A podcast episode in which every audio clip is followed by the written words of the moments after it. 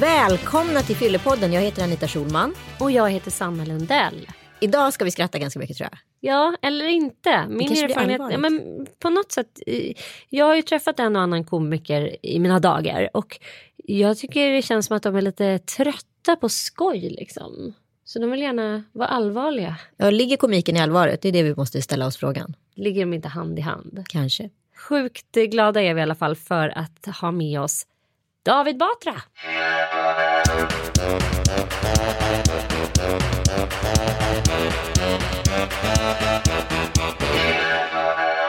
Du, eh, vad kul att du är med oss här i Fyllepodden. Ja men tack, det ska bli kul hoppas jag. Har du hört Fyllepodden någon gång? Ja det har jag, jag hörde på vägen hit så lyssnade jag på eh, eh, Sven Melander och Karin af Klintberg lite på båda.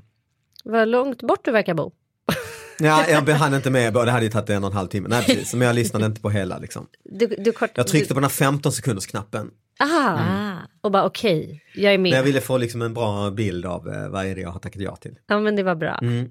Din fru har ju varit med här. Ja, precis. Ja. precis. Men henne känner jag ju så att jag tänkte jag lyssnar på de här två andra. Ja, det är ju inte så kul. Henne lyssnar jag på så mycket ändå. Men dubbelkollar du grejer med henne hemma? Så här? Är det här en bra grej? Nej, Nej. det är jag inte. Ja, det här sa jag nog i och för sig att jag eh, det var, men det var nog efter jag, efter jag hade tackat ja och sa att jag skulle hit och så och vi pratade om att hon också hade varit här. Så det var ingen koll egentligen, det var mer bara in- information. Information. Men du, vad har du för relation till alkohol? Ja, den är väl ganska så eh, genomsnittlig tror jag.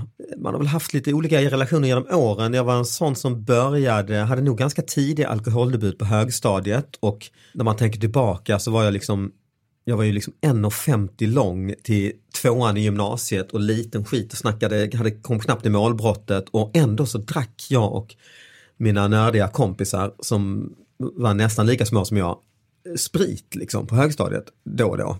Eller ganska mycket egentligen om man tänker efter. Och man tänker, oh, det är ju fruktansvärt eh, att en 14-åring, eh, eller 15 eller kanske man var, håller på med sånt. Och sen så har ju, sen blev det kanske någon ny relation när man blev student, för då var man ju ändå vuxen men väldigt mycket festande och det ingick ju student, jag pluggade ju Lund och, och i USA lite grann, men mest Lund.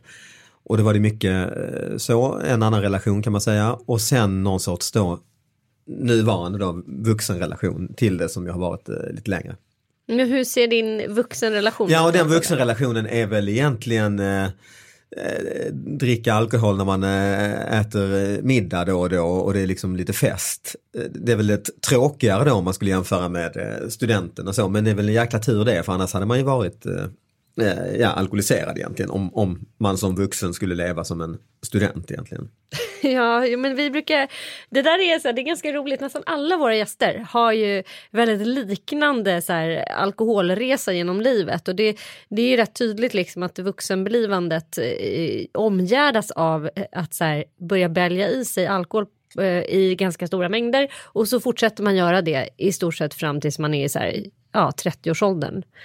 Eh, Lite grann. Så det känns inte som att du är så avvikande här från eh, gemene precis. man. Eller Jag kan säga. tänka mig det, så när du frågar om relationer så, så är den ju väldigt lik eh, ja, de flesta jag känner egentligen. Men har du någon gång under livet haft så här shit, jag dricker för mycket eller ja, mått dåligt eller haft några dåliga konsekvenser av att du har druckit? Nej, inte så, ja dåliga konsekvenser var det ju då när man var, eh, gick på högstadiet och hade snott eh, sprit och blandat en häxblandning och tagit lite från varje flaska i någon läskburk och sen stod på någon lekplats och, med ett gäng andra eh, högstadiemänniskor och drack och inte visste, alltså man blev ju berusad jättesnabbt och visste inte vad man skulle liksom göra med den här berusningen. Man stod där till slut, för man var ju barn fortfarande också samtidigt så man stod där och tittade på varandra och typ hoppade in i buskagen ännu en.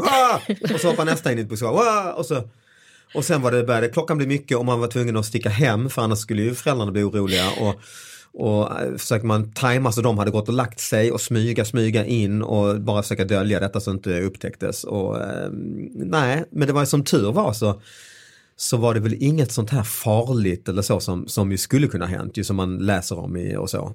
Du har inte liksom åkt mellan några tågvagnar eller liksom Nej, inget sånt grejer. riktigt farligt eller somnat i någon snödriva och så som man har hört att och, ja, fruktansvärda grejer som kan hända. Som, så, och det tänker jag på ibland att varför hände inte det? Hur, hur, och då, någonstans känner jag ändå att de här, det här gänget, liksom kompisgänget jag var med, vi drack kanske ganska tidigt jämfört med, ja det var i och för sig många som gjorde, men, men och, och ganska liksom, man tänker, oh vi var så små och det var ju livsfarligt. Men det var liksom snälla och schyssta människor i det här gänget och hade nog ganska stort ansvar att eh, någonstans ändå ta hand om, om varandra liksom. Eh, så det kanske var, och sen är det ju rent tur om man ska vara ärlig alltså. Om man tänker de här stora högtiderna. Och i Lund var ju i Lund så hängde ju liksom på någonstans gymnasiet och högstadiet nästan på studentlivet. Så när det var liksom valborg och, och sådana tider så var det liksom så, trodde 15-åringar att man var 25 och egentligen var student. Så att det var ju, var ju liksom fylleslag och halva stan var ju avspärrade och åkte runt poliser och, och man tänker det var ju ren, ja, det, man ska ha tur också för att det inte ska hända något tror jag. Mm. Men, det är Men ändå du, helt otroligt vilka så här, organisationer som liksom måste tas vid för att folk ska dricka alkohol. Att så här, det är Ja, liksom ja, force mm. majeure-tillstånd. Ja, på, samhället måste Ja. liksom, och man Ja. ser man ju fortfarande så här på nyheterna dagen efter valborg så går man igenom ju. ja, ja, vad har hänt och hur många har liksom... eh, Trafikolyckor, hur många har frånfallit Precis, i och- olyckor och... Precis. Ja.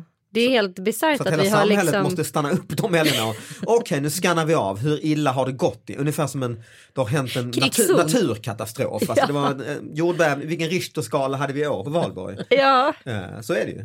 men det är också väldigt märkligt att vi helt har normaliserat det, Mm, tycker jag. Att det är så här, ja då kommer Lucia-natten. Just det, polisen rapporterar att det har antal- gått väldigt lugnt till. Det Ja, var bara två lugnt. dödsfall i år och ett par ordentliga bilolyckor. Annars har det gått väldigt lugnt i större delen alltså, Det är helt acceptabelt ja.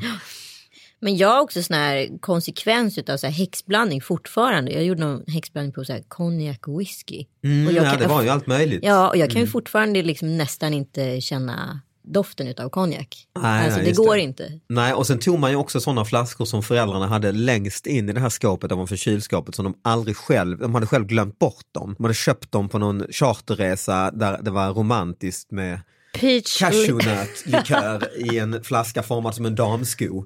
Den idén som är så bra när man står där på flygplatsen i Goa, den är inte så bra i november i Sverige. Då, då spyr man om den här cashewnötlikören så ingen visste om att den fanns längre. Den baserar man ju ofta sin häxblandning på. Den och liksom bananlikör och en slatt vin kanske. Det var ju bisarra grejer, fruktansvärt alltså. Verkligen vidriga grejer. Jag har- Jag har samma erfarenheter. Men det är också ganska roligt. Jag undrar om vi är det enda landet i världen som har och där alla kan relatera till begreppet häxa.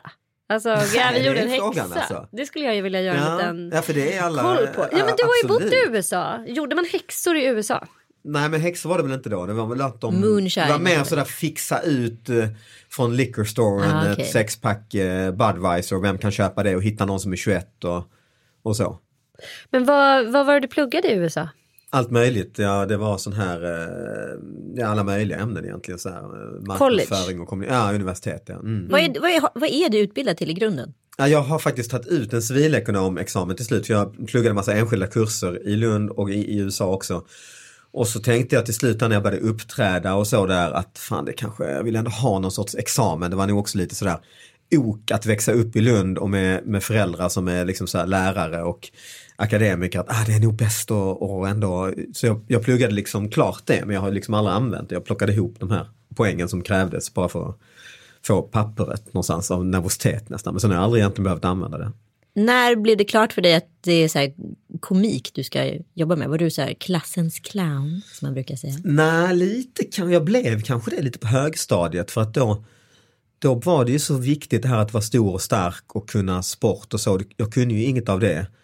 Men jag var ju kaxig, jag blev väldigt kaxig då. Det var nog för att jag var så liten och pratade ljust liksom. Så jag satt där och liksom eh, roastade lärarna. Jag kommer ihåg att jag började bli utkastad från klassrummet ett antal gånger och fick sitta i korridoren och, och skämmas och sådär. Och det var ju för att jag var ja, rolig tyckte ju jag, eller många tyckte nog det för de skrattade, men lärarna tyckte ju inte det då.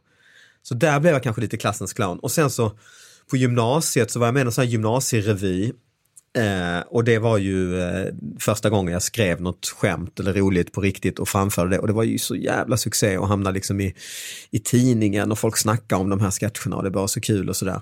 Så då kände jag nog, oh, vilken grej, men jag hade liksom inte, det fanns inte på kartan ändå att kunna jobba med sånt för att alla jag kände och hela min släkt och alla mina föräldrar och deras vänner och så hade ju inte någon som helst fot i liksom showbiz, var inte när det bara. Utan var ju vanliga ja, lärare och eh, ja, hade inte liksom, tänkte nog inte ens på att det kan man göra bara. Och men sen så dök det upp en liten annons i tidningen precis efter gymnasiet där att det var en tävling i stand-up comedy. En amatör talangtävling liksom, som jag bara, jag bara ringde och anmälde mig till den. Och jag vet alla mina kompisar, vad ska du anmäla till det? Vad ska du? Ja men jag bara jag kände jag måste bara göra det. Och så var det någon deltävling eller först var det faktiskt, fick man gå och prova inför någon sån här hotellchef i Malmö. Och jag kunde inte prata i micken, det bara lät inte klokt. Han sa åt mig, du måste kunna prata i en mikrofon. Ja, ja, ja. Och jag var jättenervös och tänkte jag får, jag får väl eh, gå och repa och prata i en mick. Och så gick eh, min kompis då, eh, hade massa kompisar som spelade i band och sådär, de här Brainpool och, och allt vad de heter och frågade, kan jag låna nycklarna till er replokal för jag måste, jag måste lära mig prata i en mikrofon. Ja, jag var så ambitiös så fick jag deras nycklar, så stod jag och och prata i mick där ensam i deras skitiga replokal. Och så var det deltävling och så vann jag faktiskt den. Och sen var det final och då var jag så jävla nervös och gick och gjorde research och tittade på de andra deltävlingarna. Vem ska jag nu möta i finalen? Och så var det en blond liten jävel där från Eslöv eh, som var så fruktansvärt rolig och det var ju Johan Glans då. eh, och tänkte, oh, ska jag möta honom? För han vann sin deltävling då. Och sen så, och så var det där final och så kom vi faktiskt på där första plats, han och jag. Ah. Eh, och så var Lenny Norman konferencier och han var ju den superstjärnan då och och stod och frågade oss där på scenen att eh, vill ni följa med upp till Stockholm här nästa vecka och värma upp för mig på Norra Brunn. Det var ju inte något som ingick i priset och så tänkte man ja, ja, jag stod i log och så mm, det kan vi väl göra och så, och så tänkte man det kommer ju aldrig hända, han säger väl bara det för att vara lite som snäll. Och sen så låg jag där och sov typ nästa dag i pojkrummet där och så ringde telefonen och jag, alla föräldrarna hade väl gått till jobbet eller något och jag tog liksom och så ja Lenny Norman och jag tänkte shit han ringer hem till mig och så ja jag har fixat flygbiljetter och så han bara bjöd upp oss till Stockholm och vi fick vara gäster i hans föreställning så det var ju helt otroligt. Wow vilken start. Ja så var den, den ja det var historien helt enkelt. Men du och Johan Glans, ni kände inte varandra då innan? Nej, hade aldrig träffats eh, innan vi var antagonister där. Men jag tycker ändå att det är så extremt drivet av någon som är i den åldern och vågar göra allt det här liksom, lite själv. Hade du ingen så uppbackning av dina, var, var det dina polare som var så Nej, men de var och tittade faktiskt. Ja. Var dina föräldrar och tittade? Nej, inte då. Men de var och tittade ganska snabbt för vi fick lite gig eh, där i, alltså det första vi fick, då fick vi tillsammans då jag och Johan hela tiden också för vi var ju liksom där, vi, vi blev upptäckta tillsammans så att säga. Så den första grejen vi gjorde så var på någon ställe som heter Källarkrogen i ett hamnområde i Helsingborg eh, var det någon kille som sa, kan kom hit och uppträda här, vi behöver stand-up comedy. Och vi kom dit och det var stora affisch att vi hade varit med slängda i brunnen, hade de skrivit, det hade vi absolut, vi hade ju inte uppträtt överhuvudtaget. och jag, då, då tog jag faktiskt dit mina föräldrar, jag tror till och med de kanske skjutsade oss dit. För jag ville liksom ändå vara kul att ta med dem och det var ju jobbig känsla, för där var det just kanske tre alkohol, grova alkoholister i publiken. Som typ en sitter och ropar, en har somnat. Eh, och sen ska vi då, jag och Johan, gå upp och göra stand-up. Där var ju, och så mina föräldrar då. De var tre alkoholister mina föräldrar som satt längst bak i mörkret. Liksom. Och det var ju, kan, du, kan, minns du någon av dina första liksom, eh, skämt? Ja, men jag hade, ja, det var ju mycket dåliga skämt också. Alltså, jag tycker Johan något. hade ju bra skämt redan då. Jag, hade bara, jag visste liksom inte vad skämt var knappt. Jag bara hade, ja, men jag hade typ härmade Dogge i Latin Kings för han hade slagit igenom enormt precis då. Och sen vad var det mer? Hade Göran Persson var ju statsminister så är det skämt om honom som jag nästan inte heller kommer ihåg. Ah, jag kommer faktiskt inte ihåg, det var så dåligt så jag tog förträngt dem. Men det var jobbigt att se föräldrarna och man åkte hem med dem där och deras liksom oro också. Man, man pluggar och ska liksom gå på Lunds universitet och sådär och så säger man typ nej nu är du här, nu får komma till Helsingborg och se mig hänga med de här eh, fyra alkoholisterna, de här blonda killen från Eslöv. Det här är mitt nya liv nu. Det är kul, jag ska jobba med det här. Det blir jättebra. Ja och det kände jag nog för jag man fick en otrolig kick av det här med Lenny Normans förslag och, och, och träffa Johan och träffa någon som också hade den här drömmen och drivkraften så att jag ställde nog in mig, okej okay, jag ska plugga klart pliktskyldigt egentligen, men hela min hjärna var inställd på detta, alltså bara hitta på skämt, hitta på skämt och hitta ställen och testa skämten. Hur gjorde du då? Så Gick du och skrev upp liksom? Eller? Hela tiden. Ja. Jag kommer ihåg att jag satt och pluggade såna skittråkiga tentor i nationalekonomi och det var omöjligt att ställa in hjärnan på de här kurvorna och det var bara tänkte på skämt, skämt, skämt, skämt, skämt, skämt. Liksom det var helt fokuserad på det. Hur träffade du Anna? Eh, vi träffades på en, eh, på en fest här i Stockholm eh, som vi, ingen av oss hade tänkt gå på. Eh, och vi eh, ja, hamnade, kände inte så många någon av oss. Det var liksom kompisars kompisar från båda hållen. Och vi stod i köket halva, halva kvällen, just vi två, och eh, ja, snackade egentligen. Var hon rolig? ja, det tycker jag var hon faktiskt. Var hon. Men är det viktigt för dig? För att ja, som du säger, du tänkte på skämt, skämt, skämt och liksom vi har ju ofta en föreställning om att komiker, de måste ju älska allt som är roligt. Så här, gör du det? Uppskattar du det mest också hos andra? Att de är roliga? Ja, det gör jag nog. Alltså, det gör jag nog. Eh, Eller mest och mest. Alltså, det finns ju många egenskaper som egentligen kanske är, viktigare i livet. Det beror ju på vad man ska göra med dem såklart. Jo men om du Eh, tänker på din, dina dem? närmsta vänner. Ja. Tycker du att det är viktigt att de är roliga för att det ska bli en vän av det? Ja, det tycker jag nog. De måste inte vara superroliga. Det, måste inte, det kan ju också vara påfrestande med, med lustigkurrar som skämtar konstant. Liksom. Eh, Vilken jobbig middag. Men ha humor är ju absolut. Sen finns det ju olika människor, det finns ju en del som nästan aldrig säger så mycket roliga saker själv, men som i alla fall förstår humor och skrattar. Och även skrattar när det blir, för det blir ju ofta fel när man ska skämta, i alla fall i kompiskretsar och även när man testar skämt på standup sen att man, man tar i för hårt. Helt plötsligt är det bara jävligt grovt och väldigt taskigt.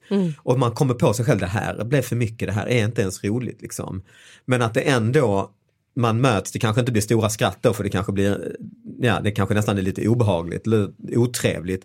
Men man kan ändå se i folks ögon att de förstår att jag fattar, du försökte göra ett roligt skämt här, det blev inte så roligt men vi är liksom kompisar eller, eller om det nu är publik, vi är publik och vi, vi begriper att du är inte vad det nu har sagts, något djupt sexistiskt egentligen. Så kan det vara när man test, gör ett skämt men alla förstår att det är ju inte du, du gör ju det här för att det är ett skämt. Liksom. Mm.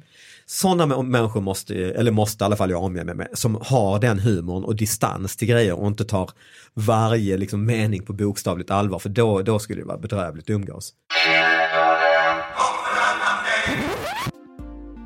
Alkohol kan vara gott och öka trivseln men det ställer också till många problem. För de som dricker och för de som finns intill och för samhället. För att det ska finnas en motkraft och för att människor ska reflektera över sitt drickande finns den idéburna organisationen IQ. Vill du veta mer? Kolla in iq.se. Men du, att vara komiker är ju att vara på liksom resande fot och befinna sig i krogmiljö. Eh, och jag kan tänka mig att det ligger till nära till hands att avrunda en lyckad kväll liksom, med att ta ett glas. Gör du det? Ja det händer ju absolut men jag tänker ju på det precis som du säger för att flera kvällar i veckan i perioder i alla fall har man ju fri tillgång till eh, sprit liksom eller ja, öl och alkohol. Och, och inte bara fri tillgång utan, utan folk som vill bjuda, alltså verkligen kom igen, varsågod, bra jobbat, ding, nu ska jag hämta öl till dig. Så att jag tänker på det och jag tänker att skulle jag då börja konsumera eh, alkohol varje gång där då det skulle ju, ja, det skulle ju bli alkoholist liksom, eh, tror jag. Eh, bara även det skulle räcka att ta en öl varje gång skulle det vara liksom farligt. Så det, det försöker jag tänka på, det gör jag inte då. Hur funkar det liksom relationsmässigt när man, om man säger så, du var ju, nu blir det här väldigt ytligt liksom, men du var ju väldigt mycket mer framgångsrik än din fru från början. Och sen så byter det liksom, jag ska inte säga att du byter plats, men hon har ju liksom, hon har ju en annan position i Sverige än du inom ett annat segment. ja, herregud. Mm. Hur kändes det? Alltså har det påverkat det på något sätt? Eh, ja, det har ju påverkat på det, ja dels liksom hösten 2014, där var det väl egentligen pang där. Innan dess var det väl egentligen kanske främst jättepolitiskt intresserade eller, eller ganska politiskt intresserade i alla fall som visste vem eh, Anna var och att vi var gifta och, och nämnde henne eh, för mig och så. Men sen då, då när det var efter valet och det var regeringskris och, och Anna någonstans liksom fick kliva fram och ta massor med ansvar och, och började synas varje kväll i, och, och varje morgon i tidningar och så. Då, då helt plötsligt, ja då märkte jag en stor skillnad. Jag, jag, var, ju, jag var ju tvungen då, jag, jag stod liksom i Lund jag kommer så väl ihåg det då hösten 2014 när hon precis var, alla, alla pratade egentligen om henne, ska hon bli statsminister till och med eller partiledare, vad kommer hända och Reinfeldt hade avgått och, och så. Och jag stod med Robin Paulsson och skulle uppträda och kliva ut på scenen och jag stod där och hade mina skämt om liksom navelludd och, och, och, och, och lokalsinne liksom. Och, och Robin bara tog mig i armen där i logen och sa, du, du, du måste nog nämna elefanten i rummet. Vadå, sen, nej, men du, du måste liksom säga något att du är gift med Anna. Folk sitter och funderar, han heter ju Batra, är de gifta, vem är det han, kan han vara gift med en politiker? Alltså du måste bara nämna det. Och jag tänkte, oh, ja, och jag fattar ju, han har ju rätt, alltså det blir ju jag kliver ut där på scenen och snackar om navelludd. Alla sitter och tänker, men, men för i helvete kan du säga något om det, om det henne du är Eller är det någon släkting bara? Eller liksom, folk visste ju inte riktigt. Så det fick jag göra det. Jag bara sa, ja, jag kände att han hade rätt och gick upp och bara tog mikrofonen och bara kände, bara tänkte jag får bara riva av det här plåstret på något sätt. Bara, jag hade inget skämt heller. Det tar, det tar ju tid att skriva roliga grejer men jag bara sa snabbt att vad kul att vara här i Lund och, och lite trist att lämna familjen hemma och sådär. Men jag, jag, har inget dåligt samvete för min, min fru har väldigt lugnt på jobbet just nu. Eh, och det blir liksom ett stort skratt och någon sorts förlösning, bara den lilla, lilla där folk känner att, ah, men vilken jävla tur han förstår att ja. vi, vi förstår och att det mm. finns en elefant här i rummet. Liksom. Och, det, och det var faktiskt det som gjorde, jag har ju precis liksom lanserat min nya show som heter just eh, Elefanten i rummet och det var, det var genom det och den handlar ju till stor del faktiskt om detta att vara gift med en, med en politiker och hur, eh, hur, många, hur, hur livet har ändrat sig och så. Hur många sådana här, jag ska fråga regeringen, skämt? Ja, de, de, de, de får man höra ibland, exakt. Jag tror det var jag själv faktiskt som började med dem. Du är ju också aktuell i Talang. Mm.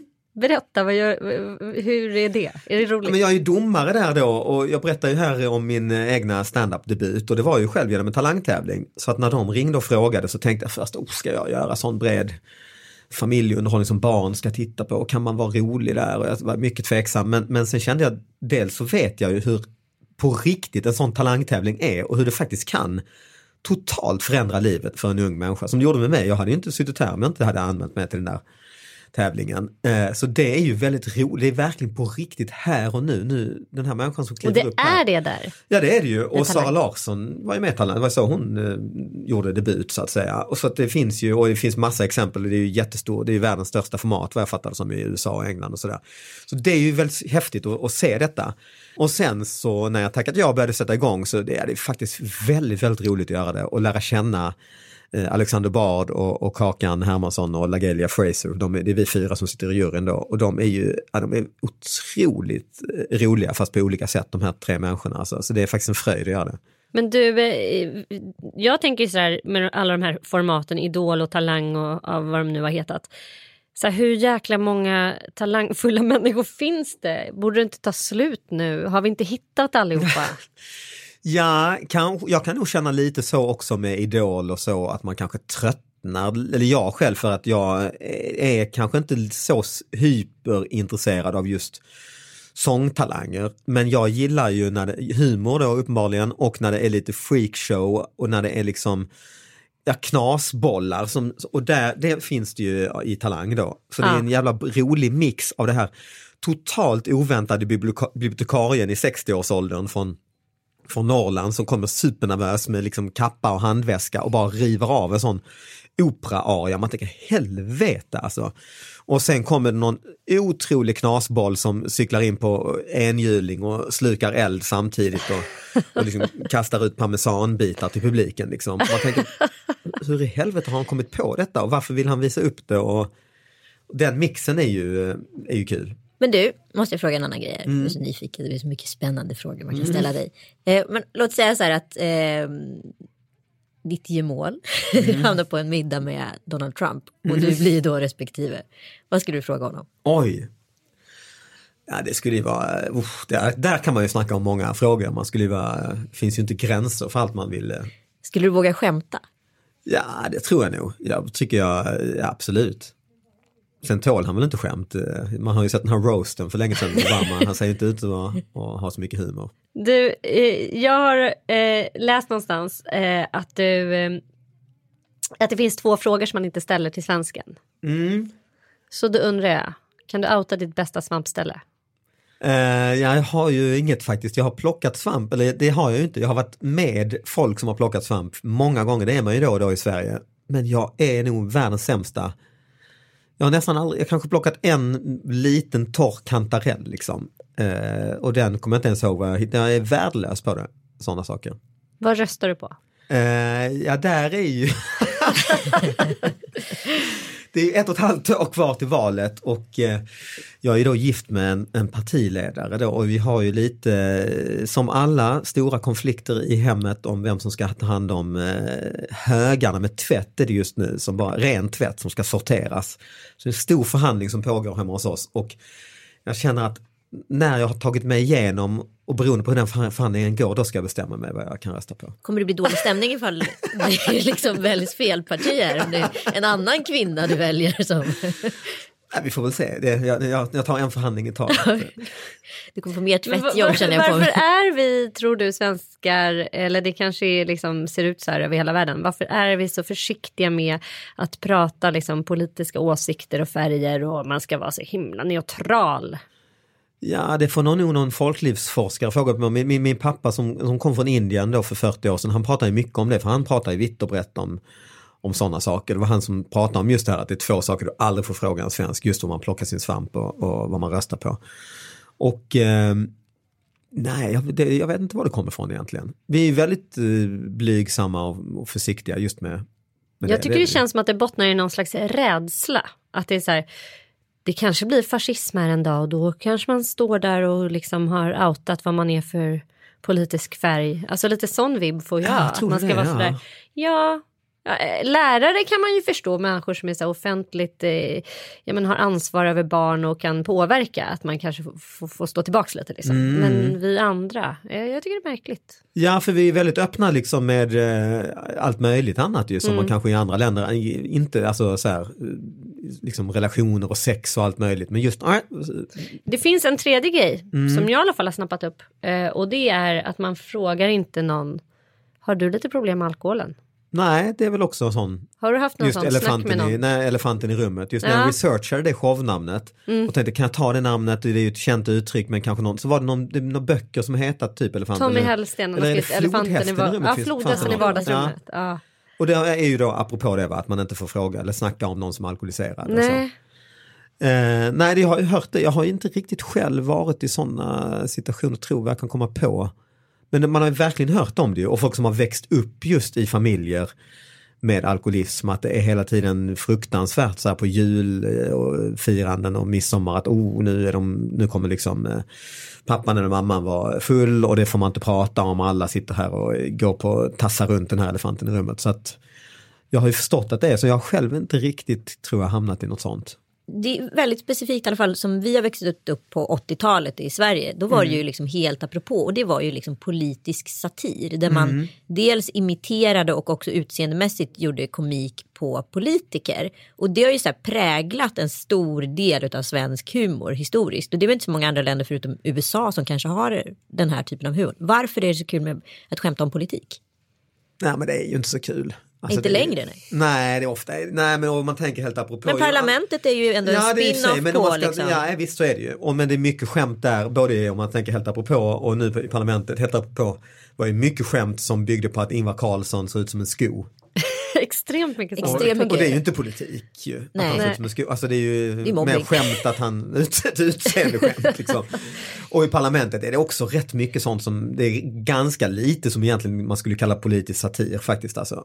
Mm. Alltså att skämta om så här jobbskatteavdraget eller Nej men känner du att du får en barriär för att din situation är som den är just när det kommer till de grejerna? Nej det känner jag faktiskt inte. Jag känner nog nästan tvärtom. Alltså, att du kan jag på lite till? tycker det, det, kan ju bli extra roligt om jag skämtar om politik för det blir liksom Folk tycker det är, det är lite kittlande såklart. Nej så det känner jag inte. Du, när var du full senast? Druckit alkohol har jag gjort liksom sista tiden. Så, alltså, men full är ju... Ja, vad är definitionen på full egentligen? Mm, lite vad du känner själv. Nu är det dags att åka hem. Ja, så är att man känner, oh nu är det... Ja, oj då. Mm, nej, det var rätt länge sedan faktiskt alltså. Jag kan inte riktigt komma ihåg egentligen prick när det var så illa så att säga. Va, har, kan du berätta om ditt värsta fylleminne? Det var nog just det här med högstadiegrejerna, för det var ju också, för, det var, i och med att det var förbjudet också, det var ju också skamkänslan att åka dit på något sätt. Så det var ju dels obehaget att vara berusad och inte liksom ha kontroll på hur mycket man tålde och så fysiskt. Och sen var det här psykiska, tänk om de upptäcker oss. Och då var vi på en Tysklandsresa i nian och, och det här gänget som jag var med, vi var ändå de snälla liksom. Både, och liksom, ja men lite så här, eh, hade okej okay betyg i alla fall och inte de här som hade, var hårdrockade, långt hår, motorhead, väst och snusade som kanske alla lärarna hade ändå räknat, de dricker säkert, utan vi, oss trodde nog folk inte kanske ens drack, hade provat sprit knappt. Och så var det en sån här Tysklandsresa och då lärarna var på någon operaföreställning och typ två nördar liksom som var de enda. Sen alla andra eh, köpte sprit i smyg och jag tror det var någon sån 16-årsgräns eller något sånt där i Tyskland just då, så vi lyckades också gå ut och, på något disco och sådär. Och, och alla var fulla och vi kom hem och eh, somnade och sådär och vi hade då i vi var tre killar i ett rum. Vår sprit vi hade liksom lyckats köpa då i någon sån här, ja det fanns ju ICA-butiken där, det var ju inte liksom i Tyskland då. Den hade vi gömt väldigt dåligt bakom liksom gardinen i vårt rum, stod några flaskor. Och sen kom, skulle vi gå upp och gå på museer och grejer, det var ju skolresa, så kommer läraren in på morgonen och sliter upp för dagen, de hade ju listat ut det här på något sätt. Kommer in och så säger han, oj, här måste vädras, säger han då, går fram till fönstret, drar undan de här gardinerna och där står de här spritflaskorna. Och vi bara, ah, jag låtsades sova och jag låg närmst det här jävla fönstret. Så tog han bara gosh, en flaska vin, kommer jag ihåg, höll den framför ögonen på mig när jag låg där och låtsades sova. Är det du som har druckit upp den här själv? Är det din sprit? Är det din som bara rör som en, liksom en här, polisförhör i en amerikansk Men jag bara mm, låtsades, svara mig, bara röt han och höll den här spritflaskan. och den luktade liksom vin och jag var liksom bakfull och hade bara superångest och illamående och äh, det var katastrof alltså. Och det var liksom brev hem till föräldrarna och och även föräldrarna hade ingen aning om detta. Vi hade lyckats smyga med detta. Vi var liksom så snälla allihop och vi lyckades smyga med detta i något år där så länge vi hade provat alkohol och de blev ju totalt ja, Vad sa Satish? Han, det värsta var ju att, att det, det kom ett brev hem, det tog tid, lite tid, hade tänkt, inte först fan vi kanske kommit undan. Det var, men lärarna hade väl nog, gick nog och tänkte hur ska vi hantera detta och så kom det ett väldigt formellt brev eller de sa till oss att de skulle skicka ett brev och vi, vi började snacka, vad ska vi göra? Ska vi gå hem skitfort från skolan, kolla posten, ta bort alla brev, eh, liksom ånga upp kuvert och hitta och så jag tänkte nej det kan vi inte, det kommer vi inte kunna lyckas med. Och så kom det här brevet och så jag såg ju inte det, men jag, på kvällen där sa föräldrarna, det har kommit ett brev här. Och, och de hade nog frågat lite om den här Tysklandsresan, hur det var och dracks det sprit på bå, båtresan? Nej, nej, nej, så det, det, det kanske var några som gjorde, men nej, det skulle aldrig vi göra. Oj, oj, oj, nej, nej, och du vet ju vem jag umgås med, de är ju snälla och deras föräldrar känner det skulle vi aldrig. Och så kom det här jävla brevet och jag läste ju inte det. Men där stod det då att det har varit, oj, och de har liksom eh, totalt druckit och några föll ur ramen, några spydde och det var mycket katastrof den här jävla Tysklandsresan. Och ut med några få undantag stod det då. Och mina föräldrar samlade om mig där liksom på kvällen och sa vi har fått ett brev här och det, det dracks tydligen sprit och ja, jo det gjorde ju det sa jag. Och så, men det var några få undantag som, det var, ja, jag var ett av de här, jag bara blåljög alltså. Oh. Och det var ju, eh, och jag kände bara, uff det kan kanske slå tillbaka det här, men jag kände ändå, jag tyckte det var så pinsamt och jobbigt och och hade någonstans ändå tyckte jag så bra relation med mina föräldrar så det tyckte jag var så fruktansvärt jobbigt att de, att liksom ha bedragit dem på något sätt. Så jag fortsatte slog då. Slog det inte att du fortsatte bedra dem? Jo, det, nej det slog mig inte. Men det gjorde jag ju då. Ja, det, jo, det slog mig nog för jag tyckte, tyckte inte om det. Jag tyckte det var väldigt jobbigt men jag gjorde det ändå i alla fall. Och då stod det ju längst ner i det här brevet att eh, man skulle ringa en lärare där eh, och bekräfta eh, och prata att man tagit del av de här uppgifterna och och prata med läraren. Liksom. Och det gjorde ju just min pappa då som ju då träffat i podden då, pappa Satish ringde ju till, eh, till eh, den här läraren och eh, tog upp och hon berättade ju då att jag var ju absolut inget undantag. utan var, hade en av dem som hade druckit sprit och det här, hela den här incidenten, det stod tomma flaskor där bakom gardinen och det var katastrof allting. Vad hände sen då? Ja, jag tror jag jag, jag kommer ihåg den kvällen så stack jag ut där och tänkte hur fan ska jag hantera det här? Och, och jag ringde en av de här kompisarna, vi satt på så här gungorna på en lekplats, alltså man gjorde, det fanns ju inget, vi satt där liksom och sparkade med benen i sanden och tuggade tuggummi typ och typ och jag sa, hur fan ska jag hantera det? Han var som en terapeut den här killen. Vi satt och pratade, pratade, pratade halva kvällen. Och när jag kom tillbaka då så satt pappa där helt bedrövad och sa, mm, jag ringde ju det här samtalet. Och, mm, hon sa, vad, vad tror du hon sa? jo, jag tror, eh, då fick jag erkänna alltihop då. Eh, och då var han ju, det var ju så, så ledsamt på något sätt för att han var ju mest och, och, min mamma också bedrövade för att jag hade ljugit om det här. Liksom. Det var ju det, och det var ju värre än det här drickandet. Och det förstår ju jag också nu när man är förälder själv, det är ju det som att ens barn kommer testa sprit och, och någon gång liksom göra bort sig totalt, det får man ju bara utgå från. Men det här ljugandet är ju inte bra. Alltså det, det, det man vill då är ju att ens barn ska typ ringa gärna i så fall hellre bara ringa stupfull från den här stadsparken och säga kom och hämta mig, jag eh, gråter och jag är full och så löser man hela det än bara ljuger, ljuger, ljuger och till slut hamnar i någon fruktansvärd grej. Liksom. Så det var ju, och det var ju bra rätt av dem, det var ju det de var förbannade för och sura över. Tog du det till dig? Eh, ja det gjorde jag verkligen, alltså. det var nog en riktig läxa faktiskt för att jag, jag eh, jag fortsatte ju i och för sig dricka sprit eller alkohol då och då med liksom sådana här, alla de här liksom eh, högtidsgrejerna och så när det var sådana här grejer. Men jag hade, jag, något som hände var att jag hade en väldigt kontro mer kontroll. Jag hade nog ganska mycket kontroll förut också för jag är så här kontrollmänniska.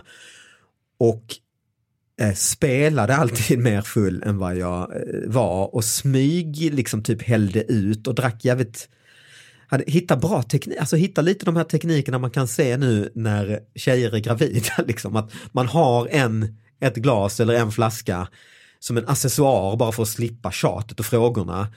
Och det hade jag väldigt mycket alltså. Och sen bara liksom, och det kan jag nog känna faktiskt fortfarande till viss del att jag, när jag är liksom med stora kompisgäng och det är mycket sprit och fest, jag, jag dricker nog faktiskt inte så väldigt mycket egentligen. Eh, men jag har nog en förmåga, kanske mer än de flesta tror jag, att dra upp min liksom wow, känslonivå och glädjenivå och, och, och liksom gå in i någon sorts we lycko, eh, ja, liksom berusning egentligen utan att vara särskilt berusad. Jag, jag, det är jag faktiskt nog eh, ganska bra på faktiskt. Det tycker jag också är så här bra att du säger för att eh, det är många så här gravida exempelvis mm. på bröllop och så vidare som alltid blir placerade vid tråkiga bordet. Ja det är ju hemskt alltså. Och det är ju inte, man dras ju med liksom. Ja, ja, man visst. kommer ju upp på de här nivåerna ändå även fast man inte dricker. Nej det, är, är faktiskt, det, det, lär, det var nog en lärdom. Jag, jag tror till och med, jag, inte, jag tror nästan faktiskt jag pratade om det med min pappa den kvällen. Det här att eh, att liksom, ja man kan liksom fe fejka liksom. Man behöver inte kasta i sig massa sprit, liksom, även om det finns sprit och även om man vill liksom, eh, ja, smäl liksom smälta in på något ja. sätt. Man kan liksom ändå spela någon sorts spel till viss del. David, nu måste vi avsluta för ja. du ska gå. Ja, det ska jag faktiskt. Ja, mm. ja. tack Systemet. snälla. Nej, det ska jag inte. Tack snälla, snälla du för att du Ja men tack, vad kul att vara här. Jättespännande. Ja, jättekul. Mm. Och är man intresserad av sin egen eh, alkoholprofil så kan man faktiskt gå in på just den med samma namn på eh, .se och testa sina alkoholvanor.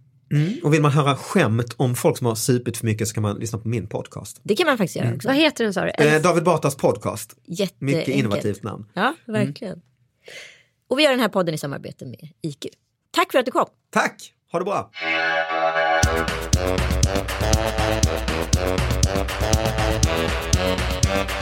you.